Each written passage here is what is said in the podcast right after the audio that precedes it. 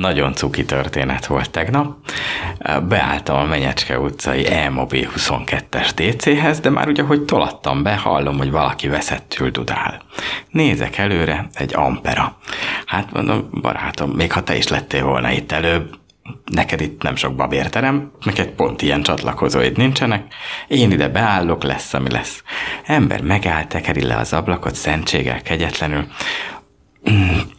kiszállok, nézem, hogy mi van, nem tűnt fel, hogy ez egy töltő! De valami nagyon-nagyon minősíthetetlen stílusban előadta az egészet, és akkor mondtam, hogy hm, ez egy hosszabb beszélgetés lesz, na akkor én most szépen hátra megyek az autó mögé, elindítom a töltést, és utána beszélgessünk. Emberünk, ugye ő az út túloldalán volt, amikor kezdődött az egész, közben megfordult, visszajött, megáll előttem, keresztbe száll ki, izomból jön oda, hogy Mondom, ne haragudj, hogy az előbb nem válaszoltam, de tudod, villanyautós előbb elindítja a töltést, és utána beszélget. És akkor így szépen mentek le a különböző színek az arcán, tehát ér, élmény volt nézni a fejét, hogy egy kattol, a mindenit, ott tényleg világít valami, beltugott valamit ebbe a és akkor így nem is tudta, hogy hogy kösse át, mert az előző mondat vég az még nem pont az volt, ami utána jött, de becsületére szóljon, hogy tényleg mondta, hogy ne haragudj, beleéztem. De belátom, elismerem. Igen, azt azért tegyük hozzá, a hallgatók nem tudják, hogy te milyen autót használsz, ez egy... Ez egy Peugeot Partner tipi elektrik, tényleg nem túl gyakori, tehát megadom neki, hogy ott már a naplementében nem látta, hogy az a, nem látta, hogy nincs kipufogó. Az a, nem látta, hogy nincs kipufogó, nem látta, hogy zöld a rendszám az autó elején, ugye fenékkel álltam be, mert hátul van a csatlakozója.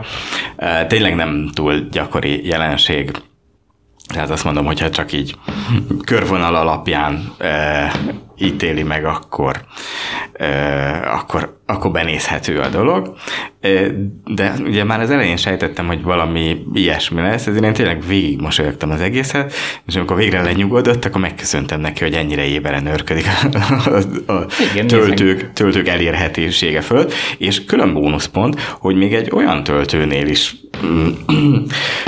szembeszállt a vélt töltőfoglalóval, amihez neki semmi érdeke nem fűződik, hiszen az ő autója ott nem töltődik, tehát nekem ezen túl bárki bármi rosszat mer mondani amperásokra, bármilyenes autókra általánosságban, arra nagyon csúnyán fogok nézni, ahogy eddig is tettem. De azért tegyük hozzá, a stílus az javulhatna picit, mert nem biztos, hogy ez előre mozdítja a barátságot a fosszilis barátainkkal, hogyha nem tűnt fel töltő stílusban megyünk oda hozzájuk, hanem... Hát jó, igen, hát, tehát...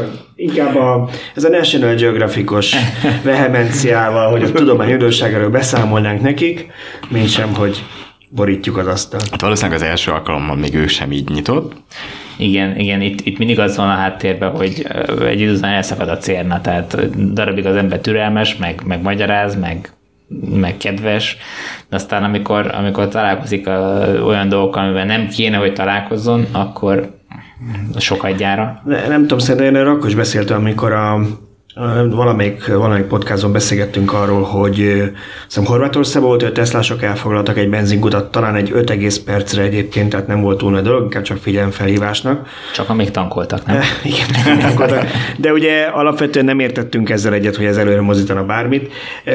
És én akkor is azt mondtam, hogy, hogy ez tipikusan azért van, mert amikor az állam nem teszi a dolgát, tehát nem tartatja be a törvényeket, idő után az emberek frusztráltak és a saját kezükbe veszik, ami soha nem vezet jóra. Tehát ez az államnak a feladata lenne, ugyanúgy, ahogy a rokkant helyeknek a, a rendbentartása, hogy ne, ne foglalja el senki, amit azért helyek közzel csinálnak, néha úgy olvastam most, hogy túlbuzgón is egy kicsit, tehát aki csak mondjuk rokkant ismerősért megy, aki, aki jogosult őt felvenni, hogy én is csináltam, miért a, a nagymának van rokkant kártya, és én is mentem már kórházba, úgy érte, hogy én én vezettem az autóját, mert mentem őt a friss műtét után felvenni, és bementem a kórháznak a parkolójába az örök kártyájába, és ezért ott nem volt gond.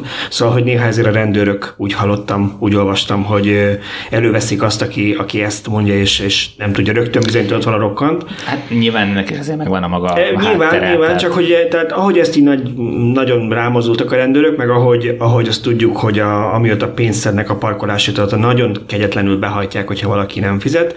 Na hát ugyanígy kellene a villanyautó autós helyeket is a parkolőrnek vagy rendőrnek szabadon tartania, és nem a lakosságnak kéne saját magának. Nem tudom, én shotgunnal járva Igen. elég tételt vennie, mert az Igen, nem vezet sehova. Alapvetően a- valóban a jogalkotónak az lenne a feladat, hogyha fölismerje, akár állampolgári tájékoztatás alapján, vagy bejelentés alapján, hogy milyen problémák léteznek a való világban, és akkor ehhez igazítsa a, a, a jogszabályokat, illetve a jogszabályoknak a betartatását. Na, de szerintem Erre- kezdjük el a, a podcastot, hogyha már itt vagyunk, mert itt elbeszélgetjük az Csak időt. belecsaptunk? Csak úgy belecsaptunk. Üdvözlünk minden hallgatót a villanyautósok.hu szerkesztőségéből. Ez a Villanyóra, a Villanyautósok egy órás podcastja, amiben minden héten megvitatjuk a hazai és a nemzetközi elektromobilitás újdonságait, eseményeit. Ezúttal is Balázs, az egyik beszélgető partnerem, Üdvözlök mindenkit. és egy, az egyik Pétert egy másik Péterre cseréltük, most Barek Péter ül velünk, aki uh, szerintem mindjárt akkor elmondjuk, hogy, hogy miért is vagy itt, én pedig Antalózi Tibor vagyok. A hétvégén tartottuk az ágyugójó futamot, az első villanyautós ágyugójó futamot Magyarországon, ami egy Dunántúl kerülés lett, de mikor elindultunk, akkor még nem tudtuk, hogy merre fogunk menni. Lehetett volna ez M3-as, kicsit nagyobb kihívásnak, vagy M5-ös, egy mondjuk a Pécsi kitérővel, vagy, vagy hasonló, de aztán végül is egy Balaton kerülés lett, amiért Péter a felelős, mert ő állította össze a, a, az útvonalat, és az ő feladata volt az, hogy egy olyan izgalmas feladat sort találjon ki számunkra, ami minden autóval nagyjából hasonló módon teljesíthető, tehát ne szúrjunk ki egyik típussal se, amelyik indult, viszont azért kihívás is legyen. Ugye a cél az az volt, hogy megtudjuk, hogy melyik autóval lehet megtenni ezt a kört a legkorábban, és olyan autókat próbáltunk meg összeválogatni, amelyek közül nem triviális azt előre megmondani, hogy melyik lesz az első. Ugye a versenyben volt ö, 28-as meg 38-as Ioniq, 40-es Leaf, 38-as, tehát 120 per órás BMW i3, és a, a kakuk tojás, ami hát sejthető volt, hogy nyerni fog, az pedig a 62-es Leaf. Én nem tudom, én, én az Ironicra fogadtam volna, mindig elmondják, hogy mennyire hatékony, mennyire keveset fogyaszt, hogy igazából úgy suhan, hogy nem is eszik semmi elektront, hogy én azt hittem, hogy valamelyik Ionic nyeri meg. Nem állsz távol az igazságtól, mert nagyon sokan fogadtak volna az Ioniqra, hogy nyerni És fog. hogyha nem 500, hanem mondjuk 1000 km lett volna a versenytáv, akkor jó eséllyel az Ionic uh, fut be. Ugye ennek az 500 kilométernek volt egy olyan hátulütője, úgymond, hogy a nagyakkus autónak uh, ez gyakorlatilag egy töltéssel megoldható lett volna, hogyha egy kicsit ügyesebben gazdálkodik a- az elektronokkal. Hát szerintem télen azért Viszont, lett volna. viszont azért volt mm, olyan épelmélyűségi korlát is, hogy azért úgy reggeltől estig tegyük meg ezt a távot, tehát hogyha ezt 1000 kilométeresre tervezzük, akkor ez nem biztos, hogy hatékonyan belefér egy napba. nem ismertek Bjornt. Nem, nem, nem bírja ezt feladni, és csak azért is minden utat 1000 kilométerre visz. De néha ilyen nagyon hajnalba indul, vagy hajnalba érkezik, szóval szerintem is célszerűbb ezt, főleg egy ekkora országban Igen, tehát ő, belül ő, tartani. ő, egy olyan országban lakik, ahol 1000 km az nem távolság, mert gyakorlatilag az északon a szomszéd falu.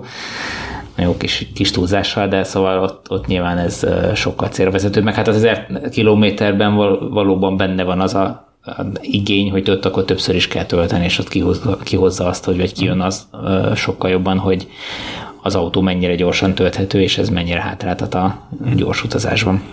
Jó, hát maga a táv egyébként én úgy láttam, hogy 75 kWh-ból is megtehető volt, tehát hogyha azt veszem, hogy a nagy Leafben egy olyan 50 jó néhány benne van, matematikailag, meg jó stratégiával elég lett volna akár az egy, egy rátöltés is.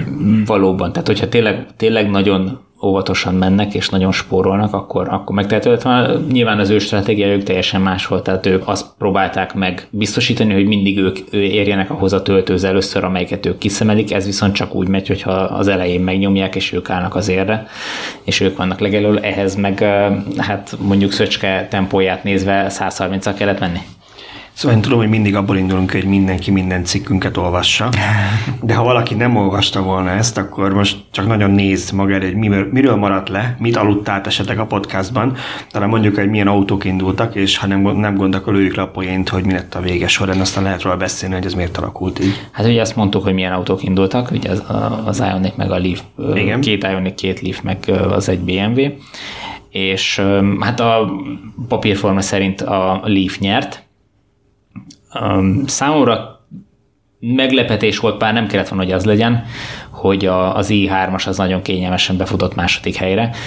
Itt vastagon szerepet játszott az, hogy két nagyon rutinos ember ült a, az autóban, és nagyon jó stratégiát találtak ki. És mondjuk ez a legújabb nagyakus. Ez a, ez a legnagyobb akus új autó, amivel ugye volt, aki nem tudott lejutni Zalaegerszegre se egy töltéssel, néhány hónappal ezelőtt, amikor nyár volt és meleg volt, és, és lehetett fűtés nélkül is menni. Most fűtéssel meg, tehát kötelező 20 fokos fűtéssel, majd erre vissza akarok még térni, is meg tudták tenni, nem hogy Zalaegerszegig, hanem Szombathelyig az utat, úgyhogy közben azt hiszem egy 10 perces AC rátöltés hát, volt, tehát egy, egy annyira minimális, hogy gyakorlatilag nem is, nem is számított. Ezt csak meg tudom, én is teszteltem ugye ezt az i3-ast a 120-as aksival, és én utal jöttem rá, én, én mondjuk nem Budapestre indultam, töltöttem rá, teljesen felesleges volt megállnom Székesfehérvárnál tölteni, mert anélkül is elértem volna. Csak hát nyilván az ember először megy egy autóval, mm-hmm. és még nem ismeri, akkor óvatosabb, meg nem tudja, melyik töltő lesz működőképes, melyik nem. De ha valaki a saját autójával megy, akkor azért az csak kitapasztalja egy idő után. Ugye itt a saját autó előny nem volt meg, mert báníték igen. kölcsönautóval mentek. Igen, tehát ez, ez valószínűleg azért belejátszottam. Ez, ez nem, nem saját autó volt, de ők ugye már annyi féle autóval villanyautóztak, hogy, hogy van egy elképzelésük arról, hogy mit tudhat. Nyilván az első néhány kilométer alapján megfigyelik, hogy hogy ez az autó tényleg azt hozza, amit ők, amire ők számítottak, most lehet olyan az első néhány, de mondjuk az első 50 km alapján, és az alapján már azért elég jól be tudják lőni, hogy ők mit akarnak kihozni belőle. És az, hogy ők, ők nagyon óvatosan, nagyon alacsony fogyasztással próbáltak végigmenni, az őket kimentette olyan helyzetből, amiben a többiek például kerültek, hogy hogy az M7-esen az a kiszemelt töltő, amin mind a két Ioniq tölteni akart, az, az elromlott és a két Ionic egymást várta, vagy egymást tartotta föl, attól függ, hogy honnan nézzük a, a helyét tölteni. Ez egyébként nem lett volna akkora baj, mert a 62-es Leaf is ezt töltőt szemelte ki magának, csak ő ügyesen elgurult mellette.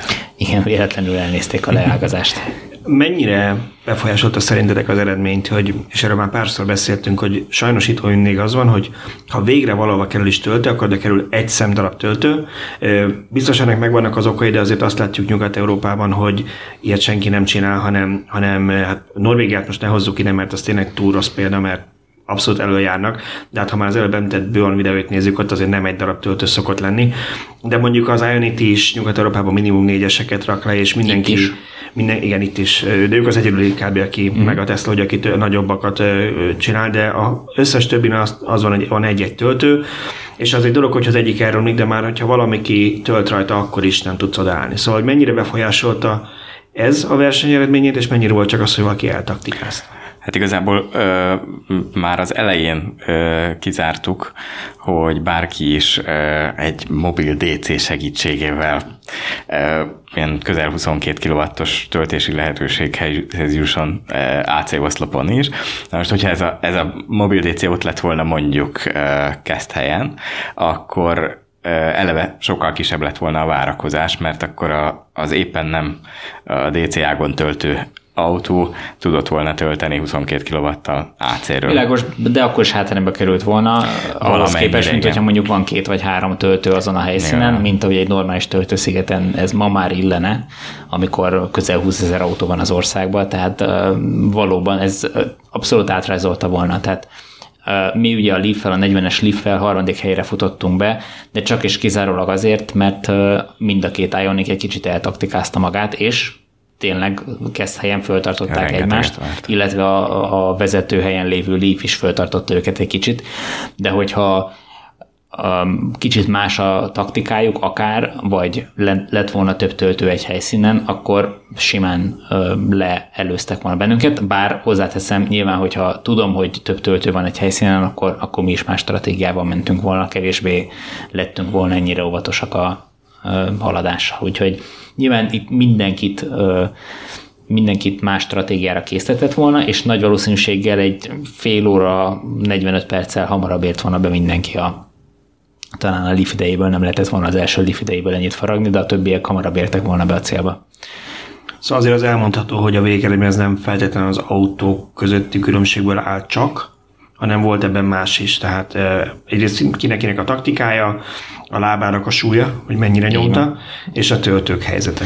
Így van, meg egy kis szerencse nyilván, tehát volt, akinek rosszul jött ki a lépés, nyilván mi is, amikor a BMW-vel induló bálinték áttervezték a stratégiájukat az utolsó szakaszra, az bennünket is meglepett egy kicsit, mert így várni kellett egy nem tudom 15-20 percet, a, hogy felszabaduljon a töltő győrbe.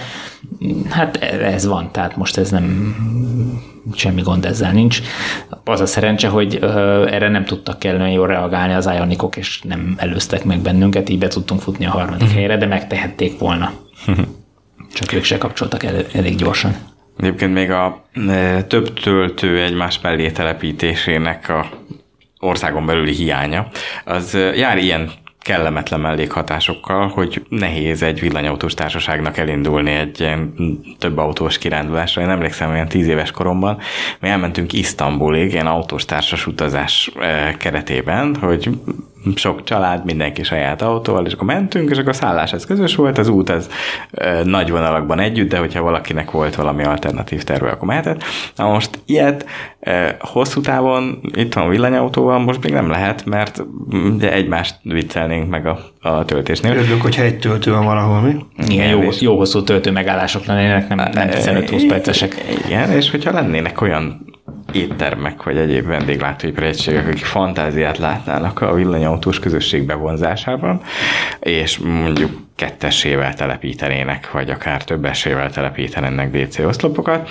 Uh, igazából ott már nem is feltétlenül lenne szükség az 50 kW-ra, tehát hogyha nekem lenne uh, 50-70 kW teljesítményem, akkor azt már nem egy oszlopra koncentrálnám, hanem uh, több felé próbálnám szétosztani, pont azért, hogy uh, párhuzamban lehessen tölteni, mert, mert úgy sokkal jobban hasznosul a a meglevő elérhető teljesítmény. Igen, erről múltkor beszélnünk az Ionity kapcsán is, amikor így próbáltunk nekik segíteni, hogy hogyan lehetne jobbá tenni ezeket, ne kelljen nagyon sok pénzt elkérniük a töltésért, hogy mi lenne, ha nem kötnének le egy megawatt teljesítményt eh, az a négy töltőhöz, azt várva, hogy eh, minden négy magyarországi tájkán majd együtt fog egyszerre tölteni, mert Hely, egyszerre mennek.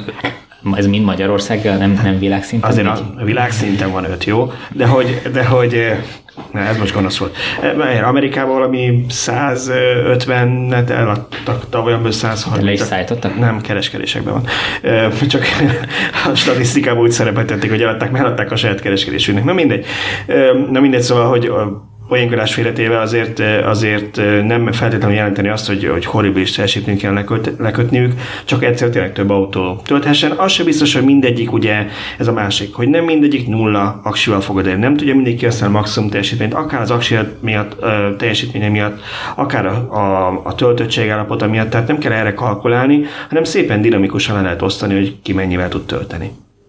Abszolút így van, tehát, és tulajdonképpen ezt csinálja, most mindig a Tesla-val példálozunk, de ezt csinálja a Tesla is, hogy nem köt le annyit, mint ahányszor ahány csatlakozója van, tehát annyiszor száz. Tehát, hogy maximum tényleg a nagyon nagy forgalmú, hogy látják, hogy melyik a nagy forgalmú hely, tehát ezt a többi töltőzövetet is látja, ahol tudja, hogy nagy forgalmú hely van, ott agyon több, vagy kötsele több teljesítményt, ott meg is térül, de főleg a kisebb forgalmú helyeknél felesleges, legyen inkább több töltőfej.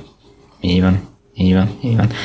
Viszont van olyan autó, amivel egyszer se kellett volna tölteni, hogyha indulhatott volna ezen a versenyen, az pedig a Model Y, aminek pont most nevelték meg. Azt a milyen átkötés. A tegnap, Figyelem, na, annyira profi. Tegnap nevelték, vagy ez már korábban volt hír? Nem, ez, ez most, ez most jelentették van, be. De, ezt tegnap éjszaka jelentették be. De hogy korábban is volt szó, nem a Model Y hatótávjának növeléséről? Én, én megmondom hogy erre nem emlékszem.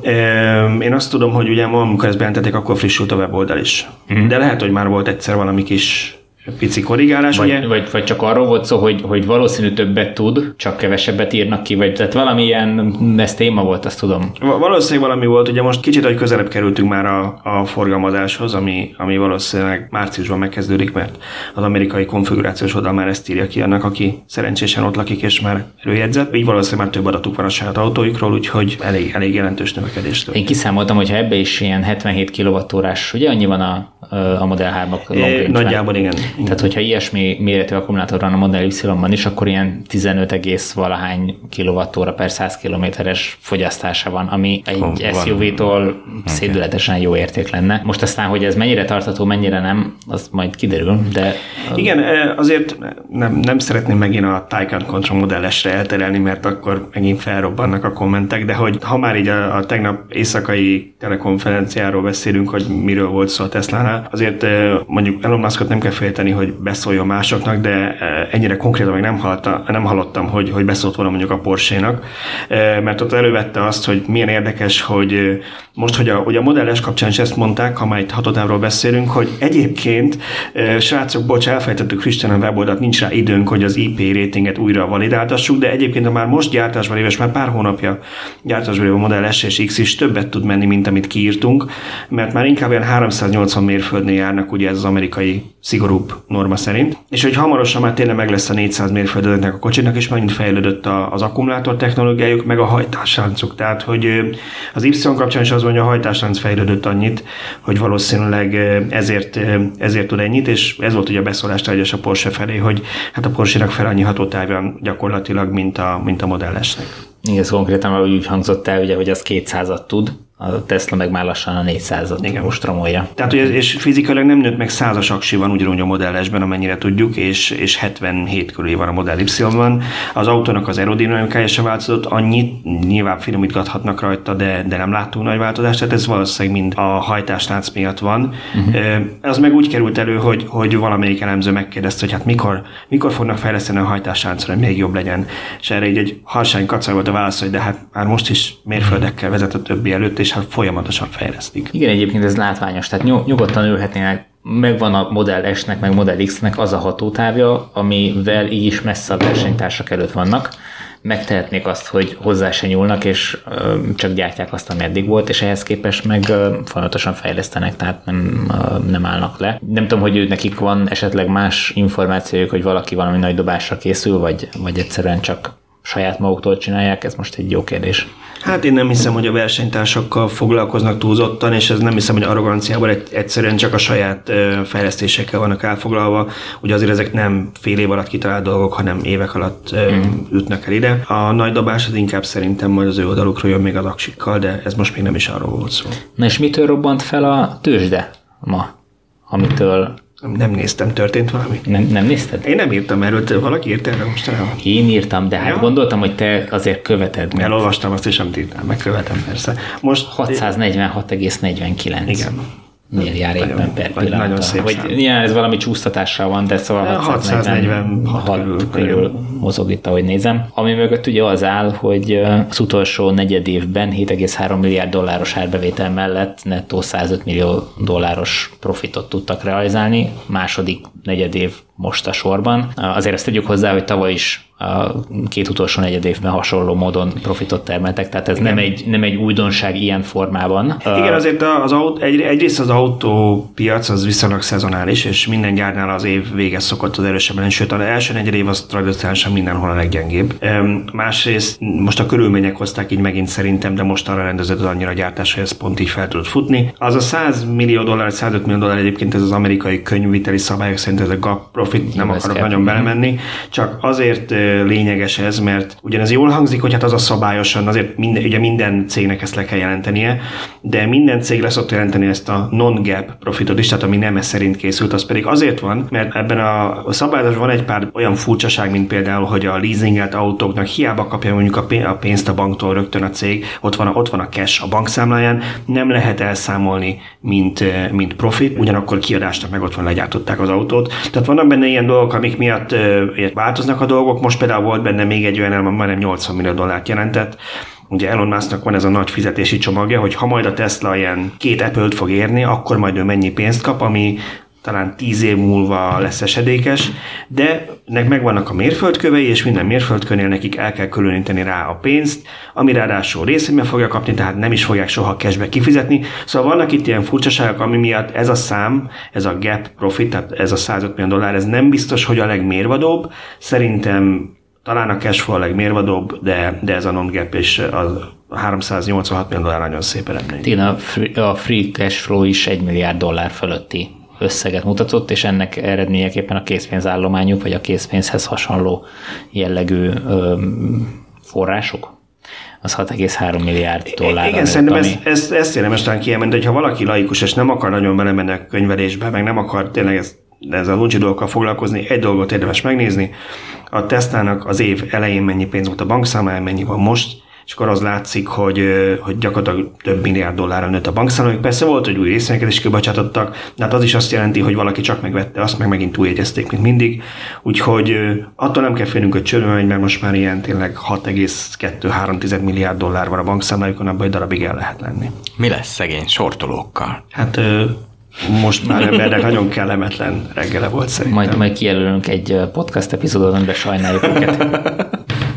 De ami viszont számomra hogy mondjam, valahol problémásnak tűnik, hogy ennek ellenére, hogy az utolsó két negyed év profitot termelt, éves szinten továbbra is veszteségben vannak. Ez ugye megint attól függ, hogy mit nézel vicces, mert pont a CNN-en volt ma egy headline, hogy egész évben profitot termelt a Tesla az első év, és azért néztem, hogy hogy számolták ki, rájöttem, hogy hát ők a non et nézték, pont azok miatt, amit én mondtam, hogy ha azt nézed, hogy mennyi volt az év, éve során ez a non-gap profit, amiről az előbb beszéltünk, az plusz 36 millió dollárt mutat. A, a másik az valóban negatívot jelent. Jó, csak hogy most egyelőre meg az alapján ítélik meg, és ugye mivel szezonalitás van, és azért ezt ők is kiemelték, tehát a kol során, nem is tudom, hogy ki volt, aki válaszolt a kérdésre, kiemelte, hogy a pénzügyi vezetője a cégnek, hogy, hogy, hogy, hogy ö, szezonalitás van, tehát erre lehet számítani, és hogy, a, hogy nem lesz profit termelő a cég azokban az időszakokban, amikor új terméket indítanak. Igen, ezt, ezt, ezt szerintem mi is hogy... párszor elmondtuk, hogy ez egy törvényszerűség, tehát megint anélkül, hogy túlzottan a mélyebe belemennénk, csak egészen felületesen, ez úgy néz ki, hogy ha én mondjuk építek egy gyárat, meg gyártósorokat teszek bele, akkor én azt mondjuk kifizetem a beszállítónak az árát. De megint csak könyvelésben, ezt nekem ugye amortizálnom kell majd. Egy része pedig ennek úgy van, hogy, hogy az számít, hogy hány autót gyár, vagy amikor elkezdem gyártani az autókat, akkor vissza kell osztanom a költségeket per autó. Na most például, amikor a kínai gyárbanok december 29-ig átadtak 15 darab autót, én fogtam a fejem, hogy ez tök jó, nagyon szép gesztus, meg nagyon-nagyon tök jó ceremónia, meg én írtam róla, ez nekem még jobb, de hogy akkor ez azt jelenti, hogy 15 autóra el kell kezdeni visszaosztani költségeket a negyedik negyedében. Ha vártak volna két vagy három napot, akkor már ezre nincsen szükség. Tehát a könyvelésnek vannak ilyen sajátosságai, ez nem azt jelenti, hogy hirtelen nekik abban a pillanatban ki kell fizetni az összes költséget, ezt már korábban kifizették. Úgyhogy emiatt lesz a szezonalitásban ugye megint egy kis változás első negyedében, ami hagyományosan a leggyengébb minden autógyárnak. Pluszba ugye itt van most ez a apró kis vírus para az egész világban, ami miatt a Shanghai gyár is eh, még egy-két héttel puszba nem, nem termel, és, és akkor ott van az, hogy indul a Model Y, megindul a Shanghai Model 3-nak ugyan a kiszállítása, még viszonylag alacsony darabszámba egy nagy gyártósoron, biztos, hogy nem lesz eh, fákjás menet a Q1. Tehát ezt aki kicsit is ért hozzá, nem kell, hogy meglepje, majd az elemzők meglepődnek rá, és kapod a szalagcímeket eh, áprilisban, hogy hát a Tesla hogy csökkent az előző negyed évhez képest, pedig hát ezt lehet előre tudni. Akkor fog összeomlani a részvény árfolyam. Igen, de hogyha megpróbálod megjátszani, akkor tudni, hogy nem. Úgyhogy nagyon kérlek, hogy próbáld megjátszani, meg csak röhögök majd a markomban. És mik voltak azok a furcsaságok, rejtett információk, amiket te láttál? A... De várj, várj, ez mikor kerül ki, mert még nem írtam meg. Mennyit mondjak róla? Meséld el, figyelj, csak Jó, hat okay. szem közt. Csak barátok. Nem, én nekem ugye mindig arra próbálok odafigyelni, hogy mi az az érdekesség, ami, ami elhangzik, amit mondjuk a sajtó nem kap annyira föl. Az egyik ilyen, hogy a Model Y kapcsán, hogy megosztottak fotókat az első, a gyártósorról, az autókról, és érdekes szögekből osztották meg, hogy nagyon jól látszott az autónak a, főleg a, a feneke, meg, meg a, úgy hátulról ez a háromnyedes kép, amit szoktak még sokat utogatni, most ez ugye ilyen felboncolt állapotban. És Elon Musk ismét elmondta, hogy itt a Sandy Munro féle e, akciókra gondolva bizt, teljesen biztos vagyok benne, elmondta, hogy akik majd a Model Y-t szét fogják bontani, ugye tudjuk, hogy neki például a kettővel rendel, hogy majd szétbontsa és megosztja a világgal, mit talál, nagyon fog nekik tetszeni pár dolog. És ugye emlékszünk, hogy Mononak az volt egy kritikája a Model 3 kapcsolatban, hogy 70 darabból áll az autónak a feneke, mert hogy úgy próbálták csökkenteni a súlyt, hogy egyik az ilyen anyag, másik olyan anyag, ami tök jól hangzik, csak rohadtul nem hatékony. És ezt később Musk is elismerte. Mármint a gyártás során nem Igen, hatékony. gyártás során nem hatékony. És ugye azt mondták, hogy egy olyan gépet terveznek, ami először négy darabra csökkenti a 70 aztán pedig egy darabból lesz meg az egész. Azt nem tudom most melyik valósult meg, de nagyon úgy néz ki azokból a képekből, hogy nem 70 darabból áll. Tehát ez mindenképpen egy nagyon nagy fegyvertény lesz ez a gyártás sebességében, meg a profitban is meg fog mutatkozni per autó, hogy 70 helyett mondjuk 4 vagy egy darabból tudják kipréselni azt a, az egész hátsó részét. Hát igen, nyilván ez, ez abszolút nem lesz mindegy, hogy mennyi munka kell hozzá, vagy munkaerő, meg mennyi robot kell ahhoz, hogy összerakjanak akár 70 darabot, de arról is beszélhetünk, hogy mennyi raktár terület kell, hogy annyi különböző alkatrészt megfelelően tudjanak tárolni. Mi volt még? Mi volt még, gondolkozom, mert volt még valami. Igen, szerintem ez a, a, a modelles kapcsán, ami, ami, amiről mi nem, most már így beszéltünk, de amiről még külön nem írtunk, hogy ugye mennyit javult már a hatékonyság, illetve Musk beszélt még a, az új LED vagy PLED prototípusról, amit ugye nyára ígértek, most már arról van, hogy nyár év vége fel, tehát az egy kicsit később jön, de hát, hogy mennyire szenzációs lesz a hatékonyság, és hogy ő maga sem hit benne, hogy meg tudnak csinálni olyan dolgokat, amit megcsináltak, de hogy mindenki meg fog lepődni, és még őt is meglepte, hogy milyen az eredmény. Most ez mit jelent, azt nem tudjuk. Már láttam egy-két találgatást az interneten az a kapcsolatban, mondjuk a Maxwellnek a, a, a, hogy van ez magyarul, szuperkondenzátor, ez a ultrakapacitor, magyarul a szuperkondenzátor technológiát hogyan lehet felhasználni mondjuk arra, esetleg ez ilyen találgatás, hogy a hátsó futómű lengés csillapítója az mondjuk energiát termeljen vissza, és, és azt is felhasználják az autóban. Uh-huh, uh-huh. De hát, hogy ez, meg, hogy ez ténylegesen meg, megtörténik, azt nem tudjuk, de mindenképpen érdekes, hogy hogy fog, hogy fog 400 mérföld fölé menni úgy a modelles, hogyha mondjuk az akkumulátor mérete nem nő. Mm, igen, és valószínűleg erre akkor választ is kapunk áprilisban, mert ugye most bejelentette a Battery Day És majd néz meg lesz végre a dátum, igen. igen. Az időpontját, hogy áprilisra tippelte, még, még, még mindig nem mondta, vagy egy kicsit olyan elbizonytalanodva mondta, tehát hogy nem, nem tuti fix. Igen, de azt, hogy... azt mondta, hogy, hogy meg akarják várni, hogy ez a negyed év lefusson, mert hogy nagyon sok dolguk lesz benne, és nem akar ezzel foglalkozon a stáb, de minek után április, az megkövetkező negyed év, valószínűleg áprilisban meg lesz ez a Better Day. És valahogy úgy fogalmazott, hogy it will blow your mind, vagy valami hasonló? Hát megint ugye, ugye nem, nem szokott spórolni a jelzőkkel, de én azt mondom, hogy, hogy ha, ha igaz az, amit azért ugye neten sikerült összerakni az embereknek, és itt azért volt meg érdekes kiszólása hogy az elemzők felé, hogy akik egyfolytában kérdezgettek erről, és, és nem értették, hogy most akkor hogy mint lesz az akkumulátorokkal, mondjon már valamit, és azt mondta nekik, hogy hát nézzétek meg a, a amatőr elemzőknek a munkát az interneten, mert ők valahogy össze tudták rakni a mozaikot, akkor nektek miért nem megy, amikor titeket ezért fizetnek. Szóval, hogyha összerakod azt, amit a neten különböző forrásokból össze lehet hogy ki mit gondolt, szinte biztos, hogy a száraz elektroda technológiára utalt, ami drasztikusan csökkenti például az akkumulátorok gyártására szükséges helyet, és azért itt vannak árulkodó jelek, hogy tényleg ebben gondolkodnak, mert ha megnézed, ugye a, a Nevadai gigagyár egyharmadánál megállt a fejlesztése, nem, nem építették tovább a gyárat, miközben tő, növelni akarják az akkumulátor kapacitásokat, tehát ott valami nem jön ki a matek. A másik az, hogyha megnézed a Gigafactory 3, ugye aminek felé, most, most épült, most lett szerkezet készült, már be is burkolták az aksi gyárát, a cellagyárát, és megnézed a német gyárnak a tervrajzait, vagy hát a, van egy ilyen műholdkép, és bevarazza, mekkorák az épületek, sokkal kisebb a méret ezeknek a cellagyáraknak, mint akár a nevadai jelenleg, miközben 500 autóra elég cellát akarnak gyártani ott. Hát akkor ezt hogy? Hát így, hogy nem kell annyi hely, ezeknek a gépeknek, tehát itt a, a legnagyobb, legnagyobb helyigényű berendezés az ezek a szárító kemencének hívják az angolban, nem tudom, hogy mi a pontos magyar megfelelő, de egy szárító kemencének hívják, mert ugye ezeket a, az akkumulátorokat ilyen nedves állapotban gyártják, és aztán ezt ki kell szárítani. A másik pedig az, hogy, hogy ez ugye nagyon sok vegyszer és oldószer és különböző nem annyira barátságos anyagok segítségével történik, amiket utána ártalmatlanítani kell, ez is megszűnik ezzel a száraz elektródás történet. Hát meg rengeteg energia, aminek az előállítása ugye CO2 intenzív folyamat, és hogyha ezt sikerül bevezetni, akkor nyilván drasztikusan, tehát nem picit, hanem nagyságrendekkel lehet hogy egy nagy És itt még arról beszélünk, hogy továbbra is ugyanaz a cella, tehát nem kell azokat a gyártósorokat kidobni, nem kell az akupakot újra tervezni. Ha csak ezt nem tudjuk, ezt alapvetően, csak sejtjük. Alapvetően nem mondták, hogy váltanának cellát. Mm. Tehát én, én nem hiszem, hogy, hogy, hogy most ezt meglépnék, lehet, hogy később.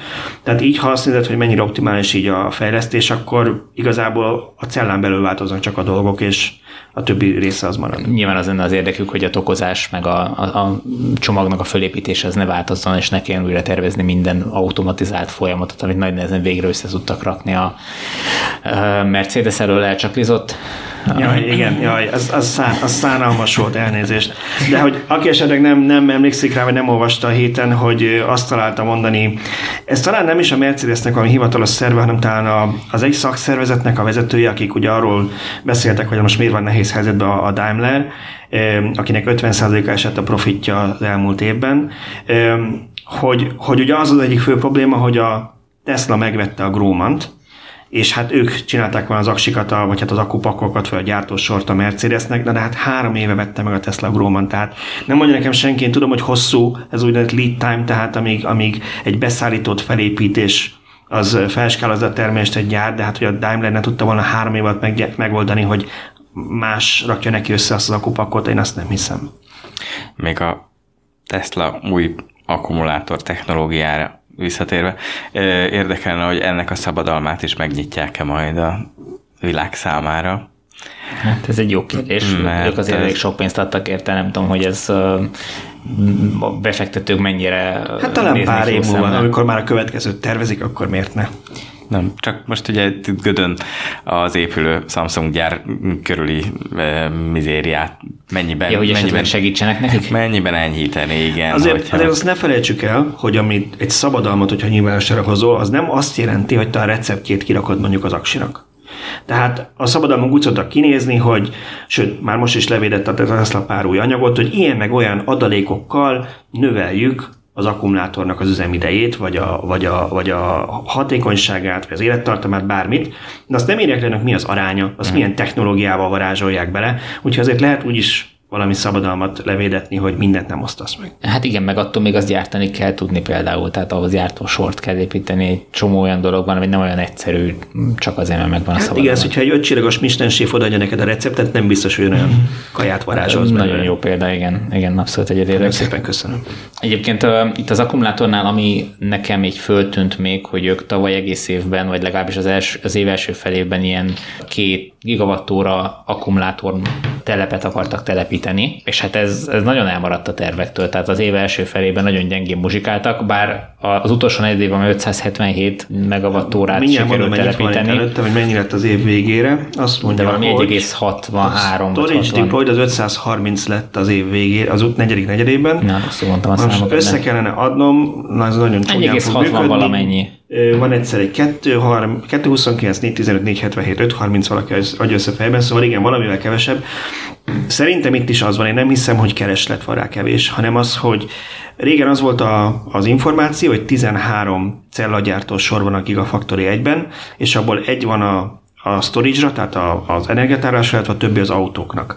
Ha egy másikat átállítanak, annyival kevesebb autót tudnak gyártani. Na most valószínűleg itt a melyik ujjamat harapjam meg, ugye ezért volt az, hogy korábban ö, már a Samsungtól vettek cellákat például a, az Ausztrál telephez. Ugye ez mindig úgy van, ez sokszor felszokott merülni, hogy ez a Samsung a Tesla specifikációjával gyártja a cellákat, tehát az ő kényájukat tölti. Igen, bérgyártásban.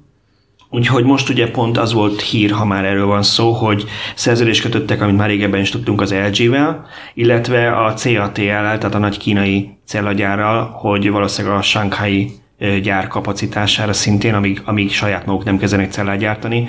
És összekapcsolom az előző témával, ugye pontosan azért van az szerintem, hogy, hogy még nem kezdték el ott a cellákat gyártani, és inkább valakitől veszik, meg hogy például itt is nem, rak, nem raktak be akkor még egy gyártósor csak a, csak a energiatárásnak a Gigafactory egybe, mert ha te azt tudod, hogy mondjuk fél év múlva a gyártásért az a technológiád, ami gyökeresen lecsökkenti ezeket az igényeket, és, és mondjuk teljesen más technológiával csinál, akkor nem fogsz beruházni most hirtelen, hanem kötsz egy szerződés egy beszállítóval, hogy arra, mit tudom én, fél évre, egy évre lekötsz egy volument, uh-huh. és aztán majd a saját celláiddal, az új technológiával belépsz, amikor már ez nem kell. És egyébként itt az új cella, tehát a Maxwell-től a céggel együtt megszerzett, ezt a jövőben saját maga gyártaná, vagy pedig a panasonic közösen történik? Hát ez egy nagyon jó kérdés. Ugye voltak olyan, ugye a Maxwell-re visszatérve, akkor kezdjük onnan, ugye ez egy akkumulátor és, és kondenzátor technológiával foglalkozó cég volt, nagyon sok fejlesztésük De ez volt. fejlesztő cég, inkább, fejlesztő nem gyártó. Volt,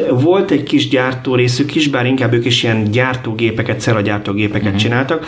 Azért vicces, mert ahogy a Tesla megvette a weboldaluk, egy oldalra változott egy ilyen nagyon ilyen, ilyen placeholder információs oldalra. Én, én annak, amikor olvastam róluk, meg amikor írtam róla, akkor elő kellett szednem így a, a Wayback Machine-nel, uh-huh. hogy értem, mi volt ott korábban azon az oldalon, és akkor láttam én is, hogy miket gyártottak, miket forgalmaztak ők. Tehát egyrészt ugye volt az, hogy, hogy, hogy tőlük megszereztek technológiát, amit egyébként már évek óta valószínűleg közösen fejlesztettek, mert a Maxwell korábbi negyedéves jelentéseiben azt írta, hogy egy nagy meg nem nevezendő autóipari gyárral közösen tesztelünk évek óta, aztán hirtelen megvett őket a Tesla, tehát nem nehéz kitálni, melyik volt ez a gyár. És hogy válaszoljak a kérdésedre, azt, hogy megvettek most még egy céget, amelyik viszont akkumulátor gyártó sorokkal foglalkozik, uh-huh. És ezért volt az a találgatás, hogy talán saját maguk fogják gyártani. Uh-huh. Én azt mondanám, hogy szerintem nem fogják a Panasonic partnerséget feladni a Gigafactory 1-ben, most már Nevada Gigafactory-nak hívnak, átváltottak a elnevezésekben, nem számmal, hanem a várossal nevezik mm-hmm. most már meg, hogy könnyebben követhető legyen. Viszont szerintem valószínű, hogy a berlini és a Shanghai Gigafactory-ban saját maguk fogják gyártani, mert arról is volt szó, hogy ezekben egyelőre a Panasonic nem vesz részt. Egyébként ez érdekesség kedvéért kiszámoltam, hogy ez 1,60 valahány gigawattóra energiatárolási képesség, ez mondjuk hány autóra lenne. Most a darabszámra így most nem emlékszem, de nyilván könnyű leosztani, de hogy 16-17 ezer ilyen nagyobb akkumulátoros autóból. Ugye ez az a mennyiség, amit némelyik autógyártó tud éves szinten most per pillanat. Tehát ők most uh, ilyen akkumulátor szekrényekbe beteszik azt az akkumulátor mennyiséget, amely, amit némelyik autógyár teljes uh, gyártásába beépít. Látod, milyen mocsok ez a Tesla. Nem elég, hogy a töltőit nem adja oda másnak. Még, Még az, az akkumulátorokat is. Adja oda másnak, igen, hogy ahelyett, hogy autóba lehessen rakni, inkább szekrényekbe rakni. Igen. Még egy dolog, mielőtt lezárjuk ezt a témát. Volt még egy fél mondat a másnak, amit Hát ha valaki nagyon szeretne szenzációban gondolkodni, akkor sokat lehet beleolvasni. Ugye azt mondta, hogy a legnagyobb gondjuk most az, idézőjelben, hogy hogyan jussanak el a mostani termelési szintről több ezer gigawatt óra per évre. Tehát ezt terawatt órákról beszélünk, és hogy erről is fognak beszélni az akkumulátor technológiai napon, ami már azt is jelenteni, hogy nem csak a, a gyártás technológia változik, hogy mondjuk száraz elektrodás, de a kapacitás is valamiért jelentősen növekszik, ami azt jelenti, hogy erre is van valami elképzelésük vagy tervük, úgyhogy itt már aztán lehet fantáziálgatni a 1000 kilométeres modelles kapcsán. Hát de nem is feltétlenül kell az, hogy ez most kisebb és könnyebb akkumulátorokba realizálódjon ez a nagyobb termelési volumen, hogyha ugyanebben tudnak sokkal-sokkal többet, tehát egy-két-három nagyságrendet többet termelni, akkor a napelemes rendszerek akkumulátorral kiegészítése is egy csettintésre megoldható, mert akkor tényleg korlátlan mennyi, szinte korlátlan mennyiségben lehet gyártani. Hát igen, és hogy abba gondolsz bele, hogy most ilyen 5000 dollár körül van egy otthonra szánt Powerwall, hogyha ennek jelentősen csökken az ára, akkor sokkal többen tudnák megvenni, és az is sokat segítene szerintem Abszolút. az energiahálózaton, már csak a stabilizálásában is. Így van, így van, így van.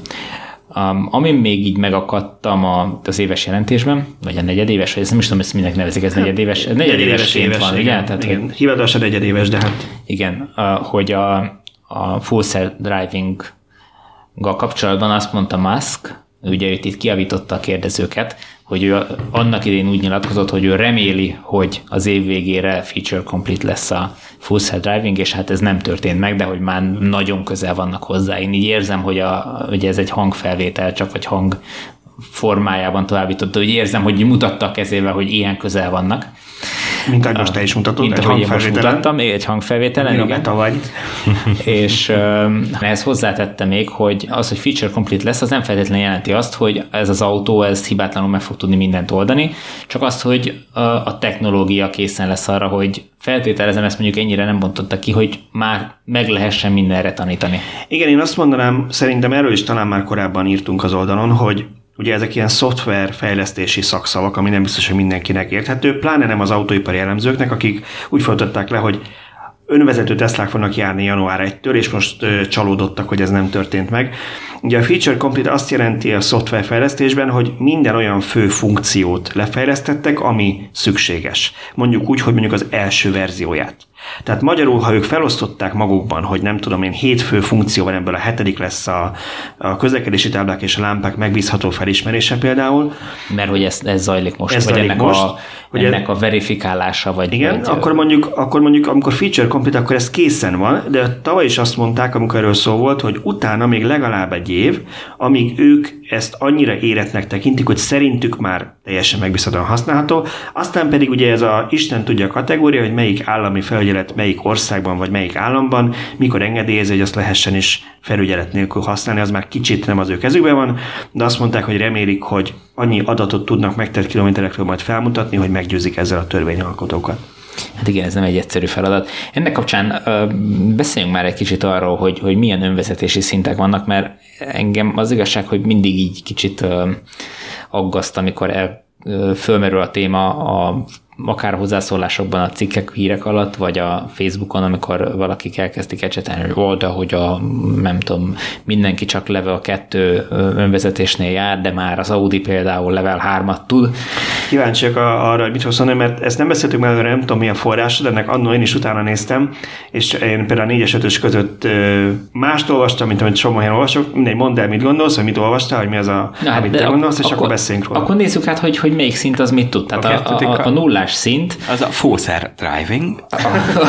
Saját magad vedezte is. Így az amikor semmi segítséget nem kapunk az autótól, mindent mi, mi sofőrök a, a jogosítvány megszerzésekor szerzett tudásunkkal és tapasztalatunkkal, illetve azóta szerzett tapasztalatunkkal kell megoldjunk. Tehát ö, senki nem avatkozik be.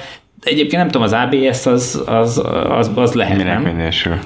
Hát az nem, az nem egy, ez egy biztonságtechnikai eszköz, tehát... Igen, tehát valószínűleg az ABS az, az, az működik, de, de nagyon nincs sávtartás, nincs sávelhagyás figyelmeztetés, nincs keresztirányú forgalom figyelmeztetés, nincs szomszéd sávban közeledő járműre figyelmeztetés, Ja, mert ezek semmi a, nincs. ezek a kiegészítők csak abban segítenek, hogy amit te elképzelsz, az autó tényleg próbálja azt csinálni a fizika határain belül. Így van. Nyilván ez az, amit a Trabant is tudott, ez az, amit gyakorlatilag minden autó tud. Aztán ott van a, az egyes szint, ahol egy valami segítséget kapunk az autótól. Például ez, tempomat. Például tempomat lehet, ez egy ez nagyon jó példa rá, de olyan nincs benne, hogy mondjuk, hogy adaptívan tudja például ez a, a hagyományos tempomat, mondjuk 30 éve 30-ra, és akkor 30-al fog menni, hogyha előttem jön egy autó, és én 30 megyek, és nem fékezek, akkor ugyanúgy neki fogok menni, mint hogyha. De már a autóipari szakemberek által ez már már egy önvezetési szintnek van definiálva, még hogyha hát az önvezetés az csak nagyon nyomokba, vagy még úgyse ismerhető fel rajta. Ugye aztán ott van a, a kettes szint, ahol most per pillanat a szinte az összes, vagy talán az összes ö, olyan autó szerepel, amit kereskedelmi forgalomban lehet kapni. Ez azt ö, jelenti, ez, ezek, ezek az autók ö, tulajdonképpen azt teljesítik, hogy emberi felügyelet mellett képesek két vezetői asszisztens funkciót együtt használni. Tehát például van bennük adaptív tempomat, amit ha beállítok 110-re, akkor megyek 110-zel, de ha utolértem valakit, akkor ö, lelassít, ha kimegy előlem az, akit utolértem, vagy megelőzöm, akkor visszagyorsít a beállított sebességre, és eközben tartja például a sávot, úgy, hogy nekem ne kelljen kormányozni. De itt ugye az feltétel, hogy a sofőr az mindig ott legyen, hiszen ezek a rendszerek nem tudnak mindent megoldani, ez egy sávtartónak és egy adaptív tempomatnak a, az együttműködése. Itt folyamatos felügyeletet igényel. Bocsánat, ezt akartam mondani, igen, hogy, hogy fontos az emberi felügyelet, tehát ezt mindannyian tudjuk, akik ilyen autókat vezettünk vagy teszteltünk, hogy van, van ugye vannak eltérések a rendszerben, kinek mennyire fejlett. Én már vezettem olyan autót, teszteltem olyan autót, az oldalon is írtam róla, hogy gyakorlatilag ahogy elfogyott a vonal, ő már azt mondta, hogy alja itt ő most akkor eldobja, olyan is volt, amelyik hát megzavart az, hogyha az autópályánál valaki, amikor becsatlakozó sáv van, ez a, ez a felzárkozó, ilyen gyorsítósáv, ott a szagatott vonalon hirtelen nem tudott mit kezdeni.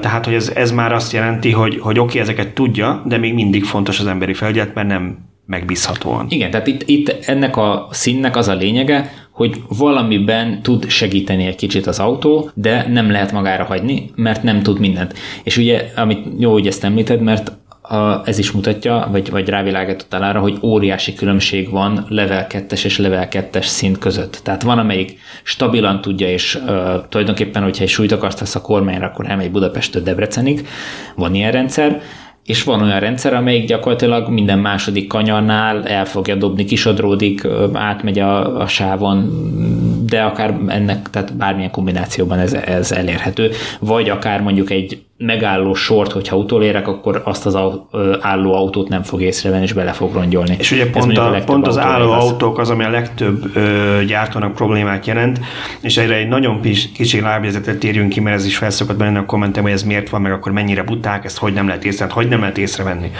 azért nem veszik észre, mert jelenleg a, a jelenlegi technológiák, a jelenlegi radar technológiák ez esetben ez alapján működik. Nagyon sok olyan zavaró van, például az autópálya fölötti táblák és egyéb fém alkatrészek, ami ugyanúgy vagy nagyon hasonló radarjelet ad, és nagyon sok ilyen kamu vészfékezés produkálna az autó, amikor megy 130 héten satúféket nyom, mert azt hiszi, hogy a tábla az egy másik autó.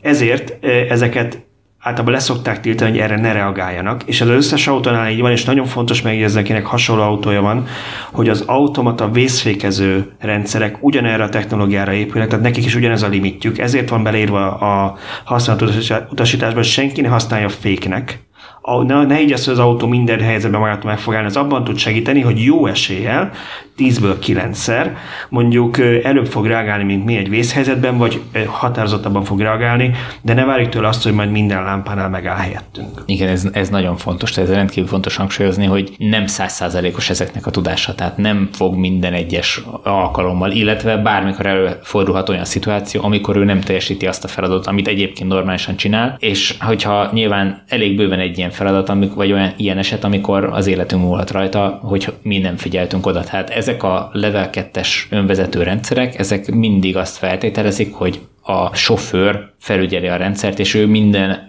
pillanatban képes arra, hogy beavatkozzon, és, és készen áll arra, hogy beavatkozzon. Ugye a következő szint a hármas, ahol a, tulajdonképpen a nagy különbség a, a kettes és a hármas között az, hogy bizonyos körülmények között, amit nyilván a gyártó megad, magára lehet hagyni az autót, és a, az autó az biztosítja, hogy amikor ő már nem fog tudni valamit megoldani, akkor ő időben szól.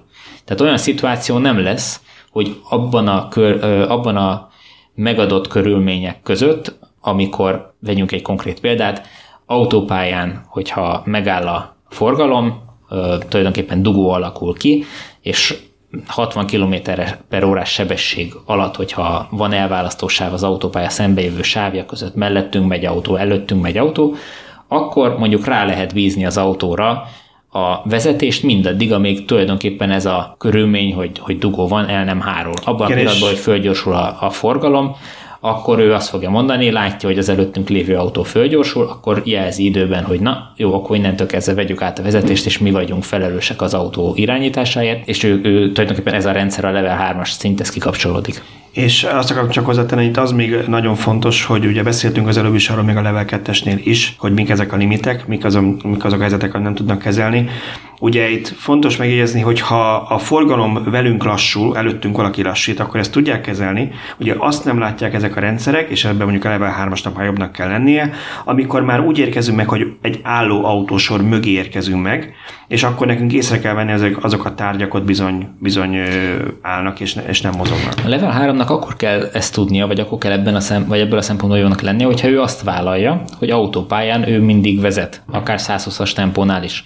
De per pillanat, például az én példám, amit mondtam, ez nem teljesen légből kapott, ez az Audi-nak a nagyon sokszor emlegetett level 3-as önvezető rendszere, amit sehol kereskedelmi forgalomban kapható Audi nem aktiváltak még, tehát ez nem lehet olyan Audit venni, ami, ami ezt tudja, de elméletileg ezt a funkció le van fejlesztve, és amikor ilyen dugós szituációba kerülünk, akkor ő megoldja ezt, és nem kell rá figyelni, nem kell fognunk a kormányt. Tehát tulajdonképpen itt az autós szempontjából az a legnagyobb különbség a level 2-eshez képest, hogy még a level 2-nél 5-10-20 másodpercenként csipog az autó, hogy fogjuk meg a kormányt, és jellezzük, hogy mi ott vagyunk a, a hármas szintnél er, az adott körülmények között erre már nincs szükség.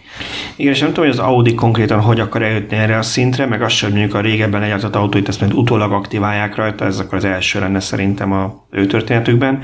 Azt tudom, hogy a Tesla-nál konkrétan azt mondták, hogy felmerült ez a kérdés nemrég, hogy jó, de hát akkor, hogyha a radar nem tudja az álló tárgyakat, mondjuk egy tűzoltóautót, ami már sajnos párszor megtörtént, ami áll a belső sávban, nem tud felismerni, akkor hogyan fog ez megoldódni? És ezt ők a kamerákkal akarják, tehát az, hogy pontosan az, hogy az algoritmus vagy a mesterséges intelligencia felismeri majd ezeket a tárgyakat megbízhatóan, tehát most is tréningek, de még nem megbízható, akkor, akkor lehet hármasnak hívni már, amikor ezt tudják aktiválni. Így van, hogy valóban az Audinál ez, ez hogy fog megtörténni, hogy egyáltalán ha valaha aktiválják, akkor ezt hogy fogják aktiválni, ezt nem tudom én se, de ez tulajdonképpen egy, egy jogi kérdés, hogyha szigorúan nézzük, mert a, ilyenkor, ha ezt, az, ezt a rendszert aktiválja a gyártó, akkor ő vállalja azok között a vagy azokban a szituációkban a felelősséget, hogy az autója azt tényleg tudja. És biztosak lehetünk abban, hogy ameddig 99,9 és sok-sok 9-es után van, van ez után, nem tudja a gyártó rendszere ezt, addig ő nem fog felelősséget vállalni, mert nem hiányzik neki a botrány, hogy itt, egyszer elrontotta. Itt még fontos az, miatt tovább megyünk a négyes szintre, hogy, hogy akár a törvény alkotók, akár a, a lakosság, a felhasználók, vagy csak a közvélemény mit vár el.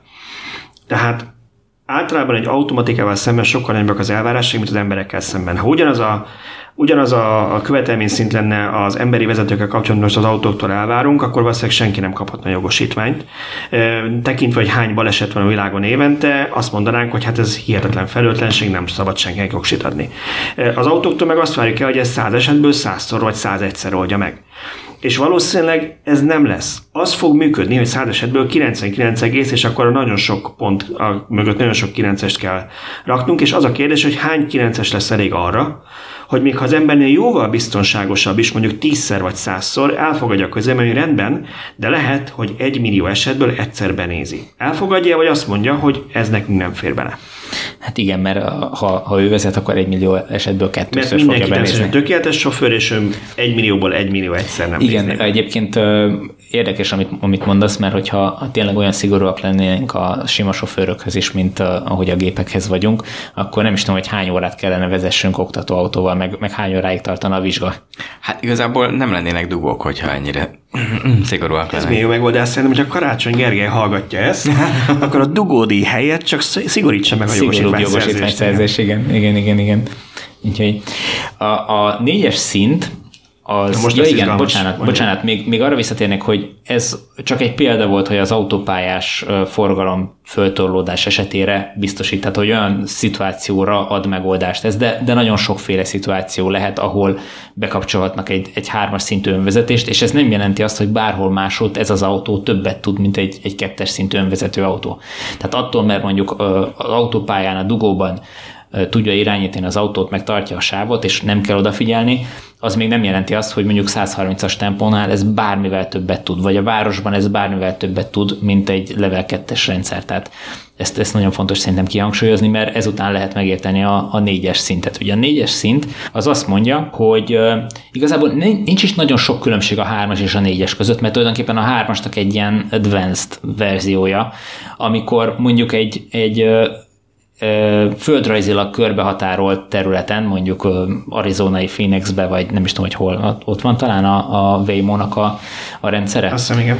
Hogy ott ugye föltérképezték megfelelő pontossággal a, a környéket, és azt mondták, hogy olyan autókat tudunk itt üzemeltetni, amik sofőr nélkül, tehát annélkül, hogy bárki is ülne a vezetőülésben, minden további neki fel tudják venni a taxi utasait, elviszik a megadott helyre, és ott le tudják rakni, és a, a, a különböző pontok között ők teljesen önállóan tudnak közlekedni. De ez nem jelenti azt, hogy ezeket az autókat, hogyha lerakjuk Budapesten, akkor ők önvezetni fognak tudni. De itt jön a különbség a között, amit és sajnos nem emlékszem forrásra, vagy nem most olvastam. Én egy olyan táblázatot láttam egyszer, ahol, és mindig igyekszem hivatalos helyekre menni, de hát ezt most meg nem mondom, hogy milyen kategorizálás volt, hogy hogy a négyes szint azt jelenteni, hogy kvázi bárhol, ami ember által épített út, tehát magyarul, és ezt úgy kell nyilván érteni, hogy rendes aszfaltozott, vagy város, vagy autópát, ilyen civilizáción belül, ezek az autók már tudnak bárhol közlekedni. Ebben nem volt benne az a kitétel, hogy ez egy előre feltérképezett és ilyen módon körülhatárolt terület, mint mondjuk a Waymo-nál, hanem azt mondta az a kategorizálás, hogy, hogy ami nem, és itt jön az ötöshöz a különbség ebben a, ebben a felállásban, ami nem off-road, tehát nem az van, hogy ha nekem a földúton van a tanyám, akkor oda is ki tud menni, pedig ott semmi nincs, csak a mező ez volt, ez volt a négyesnek a teteje, és erre mondták azt, hogy a négyes és ötös között még van egy nagyon nagy ugrás emiatt,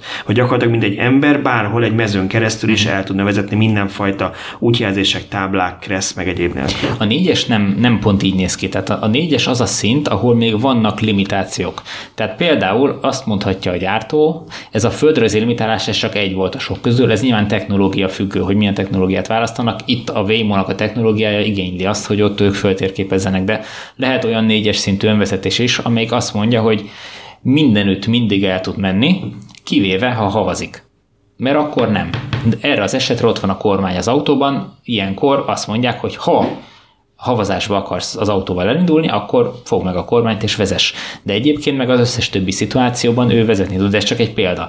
Lehet, nem tudom, lehet az, hogy, hogy ők azt mondják, hogy Európában működik, Amerikában nem működik. Nem tudom, most nem akarok ilyen példákat kreálni, de, de, de ilyen limitációkat lehet szabni. És akkor az ötös szint az, ahol meg már nincs kormány az autóban, tehát hogyha te ráböksz a térképre, hogy téged oda vigyen el, akkor ha fizikailag el lehet venni, tehát te, te ö, emberi sofőrként el tudnád oda vinni az autót, akkor elvárhatjuk az autótól, hogy oda el tudjon menni.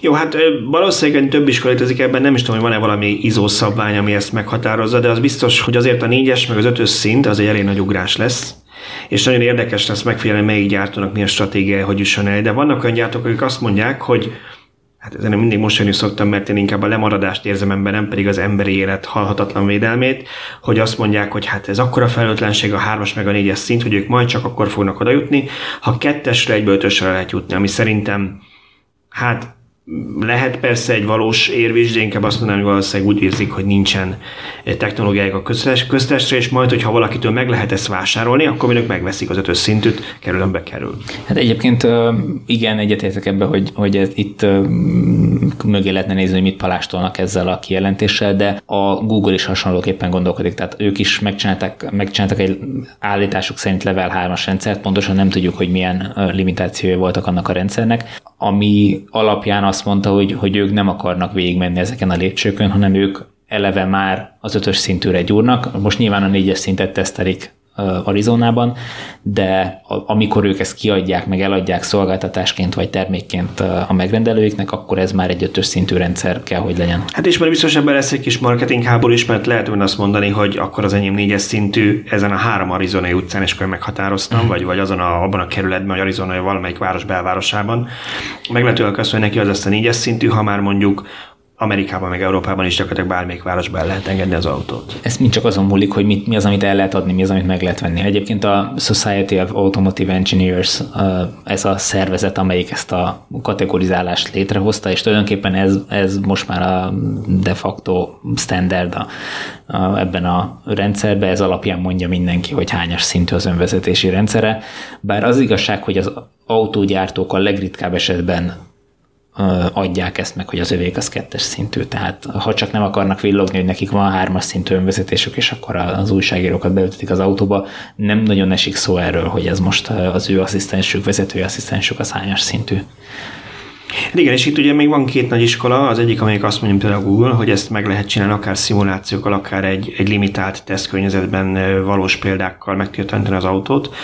A másik véglet mondjuk a Tesla, amelyik azt mondja, hogy, hogy ők ténylegesen csak valós környezetben valós adatokkal és keveset szimulálnak, és inkább többet erre. Ugye, ha már itt beszéltünk, vagy erre alapoznak, ha már beszéltünk a negyedéves jelentésről, ott is volt erről szó, és ar- arról beszéltek, van ez a Project Dojo náluk, amiről annyit tudunk, hogy ez a központi számítástechnikának, tehát nem az autókban lévő, hanem a, a központban lévő számítástechnikának a nagy fejlesztése, hogy sokkal nem legyen a, a feldolgozó képessége. Ugye az autókban lévő számítógépek, a Tesla-nál azok annyit tudnak, hogy, hogy az autót saját magát vezérlik, de hogyha találnak valamit, amit mondjuk az autó máshogy döntött volna, mint a, mint a sofőr, vagy máshogy is döntött, és a sofőr beavatkozott, ugye azt visszaküldik a központba, és a központban fogják elemezni, majd utána ez alapján megtanítják a teljes flottát.